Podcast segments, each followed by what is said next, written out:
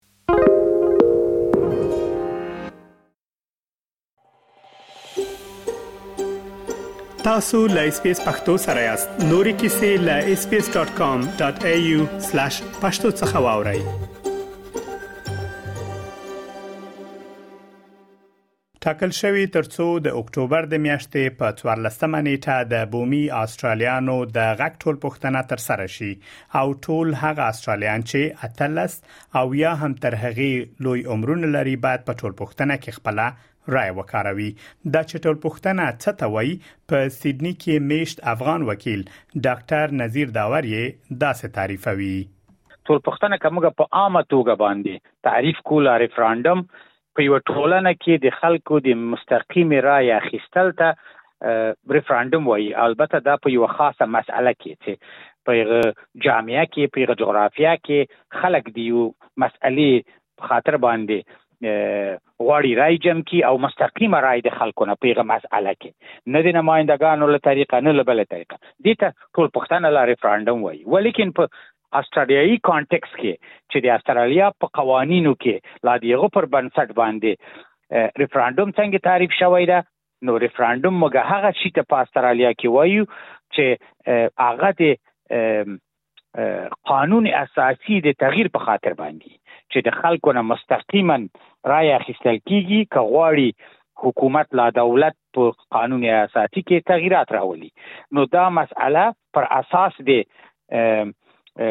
د قانون اساسي د یو سلاتی وشتمه ماده پر اساس باندې دا کار کیږي چې په دغه یو سلاتی وشتمه ماده کې دا خبره په ډاګه او وضاحت سره بیان شوې ده چې که استرالیا غواړي په قانون اساسي کې تغییر راولي نو هغه باید ریفراندوم ته لاړ شي نو دې ته ریفراندوم وایو که په نورو مسایلو باندې په استرالیا کې د خلکو مستقیمه رائے غوښتل کیږي بیا په استر د استرالیا د حقوقي اصطلاحاتو په منځ کې هغه ته پلبسایت وایو هغه ته موږ ریفراندوم خطاب نه کوو بر علاوه د دا چې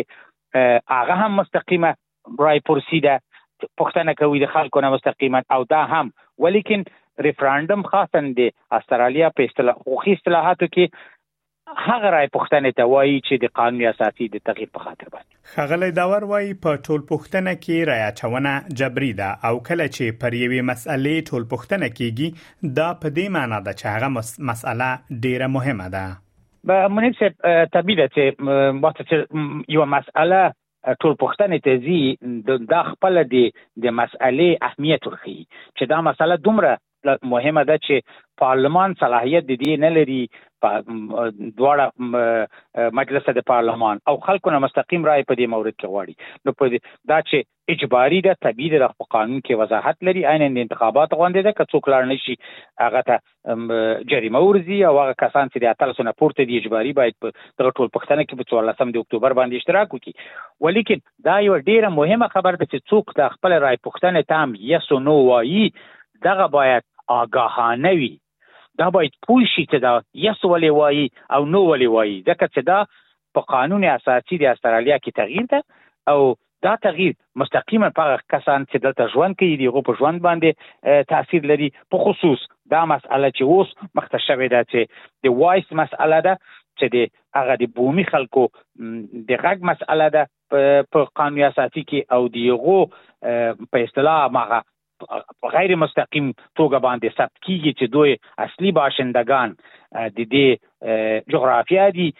چې استرالیا یې اوس نوم ده نو دا د ما په نظر باندې یو ډیره مهمه خبره ده چې دا ټول باندې ټول خلکو باندې تاثیر گذاري د خپل بومي خلکو په ژوند کې به ډیر تاثیر راولي نو د ما خو د ما په نظر دا یو ډیره مهمه خبره ده ولیکن بیا هم تاکید کوم په دې باندې چې هر څوک چې یس او نو رای ورکوي او دغه ټول پښتنې ته ځي باید پوه شي چې د یس ولې ورته وایي او دغه پیامت به څه شي وي او څوک چې نو وایي دغه پیامت به څه شي د بومي استرالیانو په ټول پښتنه کې له خلکو څخه پښتنه کیږي چې آیا په اساسي قانون کې د بدلون ملاتړ کوي ترڅو د استرالیا لومړني خلک د ابوریجنل او تورستریټ آیلندرز خلکو د غږ پر رامنځته کولو سره وپیژندل شي ټول په شرایطو برابر استرالیان باید دغه پوښتنې ته هو او یا نه ځواب ورکړي اوس مهال په ټولنه کې د هو او نه دواړو ډلو کمپاینونه روان دي په استرالیا کې میشت په شرایطو برابر افغانان هم اوس مهال په کمپاینونو بوخت دي اس پی اس پښتو له دوو تنو افغانانو قطب عالم تیمور او لیاقت خان سره خبرې کړې دي او د دوی نظرونه یې راخیستي دي چې دوی ولې د هو یا نه کمپاین ملاتړ کوي. ښاغلی تیمور له خلکو څخه غواړي ترڅو په ټولپوښتنه کې هو رای ورکړي. لومړی به له هغه څخه واورو چې ولې له خلکو غواړي ترڅو په ټولپوښتنه کې مثبت یا هو رای وکاروي. قطبي عالم تیمور یم، د استرالیا میلبورن ښار کې ژوند کوم او د مهاجرینو د سرچینو یا ریفیوجي ریسورس هب او د افغان محلي کارمندانو یا افغان لي الاینس ادارو مشري کوم. لکه څنګه چې تاسې ته معلومات ده چې په څوارلسم د اکتوبر په ټوله استرالیا کې د بومي استرالیایانو د اواز په اړه ټولپښتنه کیږي نو ټول هغه کسان چې د استرالیا تابعیت ولري د قانون له مخې مکلف دي چې په دغه ټولپښتنه کې ګډون وکړي. مونږ د بومي اسرليانو د اواز په پارلمان کې د هو يا يس په رايه اچولو سره په ټولپښتنه کې ملاتړ کوو. مونږ د دې لپاره د بومي اسرليانو د اواز څخه ملاتړ کوو چې دغه اواز به بومي اسرليان چې د دې خاورې د وسېدو پنځه شپېته زره کلن تاريخ لري په رسميت وپېژني او عدالت، برابروالي، يووالي او بهتروالي ته به لاره هواره کړي تر څو د دولت هغه پالیسیانې او پروګرامونه چې د بومي اسرلیانو په ژوند مستقیم تاثیر لري د دوی په خوښه او ضرورت جوړ شي تر څو د بومي اسرلیانو د ژوند په ښه والي کې بهتري راشي او د عمر مدت یې یا لایف ایکسپیکټنسي یې د نورو اسرلیانو سره برابره شي ځکه اوس د بومي اسټرلیایانو لایف ایکسپیکټنسي تر نورو اسټرلیایانو کمه ده. زه له ټولو هغو اسټرلیا میشتو افغانانو چې د اسټرلیا تابعیت ولري غوښتنه کوم چې د اکټوبر څوارلسمې نېټې په ټولپښتنه کې ګډون وکړي او خپل اخلاقي مسولیت د اواز څخه د یس په رایې ورکولو سره ملاتړ وکړي، تر څو بومي اسټرلیایان د اسټرلیا په اساسي قانون کې په رسمي ډول وپېژندل شي او عدالت، برابروالي او بهتروالي ته لاره هواره شي. او په دې سره به موږ افغانانو د بومي استرالیانو څخه مننه کړې وي چې موږ ته د استرالیا په خاوره کې ځای راکړی ده.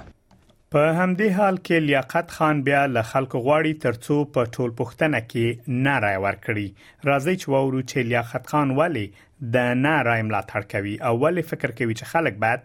نه یا منفي رای وکاروي لومړی زما نوم لیاقت خان رحمانیار دی، په اصل کې د افغانستان د لغمان ولایت یم او دلته د اسټرلیا په ویکټوریا ایالت کې اوسېږم. زه د ایسکاي کمپنۍ لپاره د ویکټوریا ایالت مشر یم.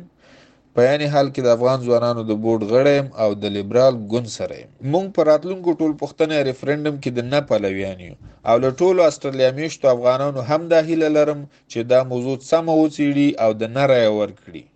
ځکه دا ټول پښتنه استرالیان سره ویشي او په استرالیا کې د بې ثباتۍ لامل کیږي په استرالیا هیواد کې ټول هغه څوک چې تابعیت یا سټیزنشپ لري یو رنګ حقوق او مسؤلیتونه هم لري او دا حقوق او مسؤلیتونه ورته د استرالیا اساسي قانون پارلمان او حکومتي بنسټونو تعیین کړي دي نو بیا څه ضرورت دی چې عام خلک سره د دې ټولپښتنو له لارې ویش یو ځانګړي ډلې او ټپلې جوړوو. موږ باید د کارګر یا لیبر ګوند اصلي هدف دلته په ډاګه کړو چې دوی ولې د نیوزیلنډ خلکو ته په مستقیم ډول د تابعیت او یا هم سیټیزنشیپ وړاندیز وکړ او اوس یې بیا د اولیني ځایي یا انډیجنس خلکو لپاره د یس کمپاین شروع کړی. د لیبر ګوند اصلي هدف دا دی چې په راتلونکو ټاکنو کې د ځان لپاره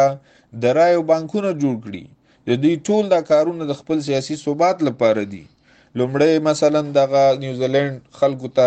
ډایرکټ سټیزنشپ یا تابعیت وړاندیز وکړ دا خو دا معنی چې دوی سره د همدردي سره راتلونکو ټاکنو کې به حتمن دوی ته راور کې ورسره اوس فعلا دلته نور د وایس په نامه د هو لپاره یې کمپاین شروع کړی، دا هم د دوی لپاره مثلا یو لاسته راوړنه ده که چیرته اوسي نو راتلونکو ټاکنو کې به ټول دغه انډیجنس خلک دوی ته رایه ورکوي ولې خبره بل هم ده چې ټول انډیجنس خلک هم له دوی سره نه دي هغه کوم خلک چې په دوی کې سیاسي پوهه لري نو دغه خلک هم د نه کمپاین سره دي اس پی اس پختو په فیسبوک کې تا کې پلی مطلب یو فاک کړئ نظر ور کړئ او له نورو سره شریک کړئ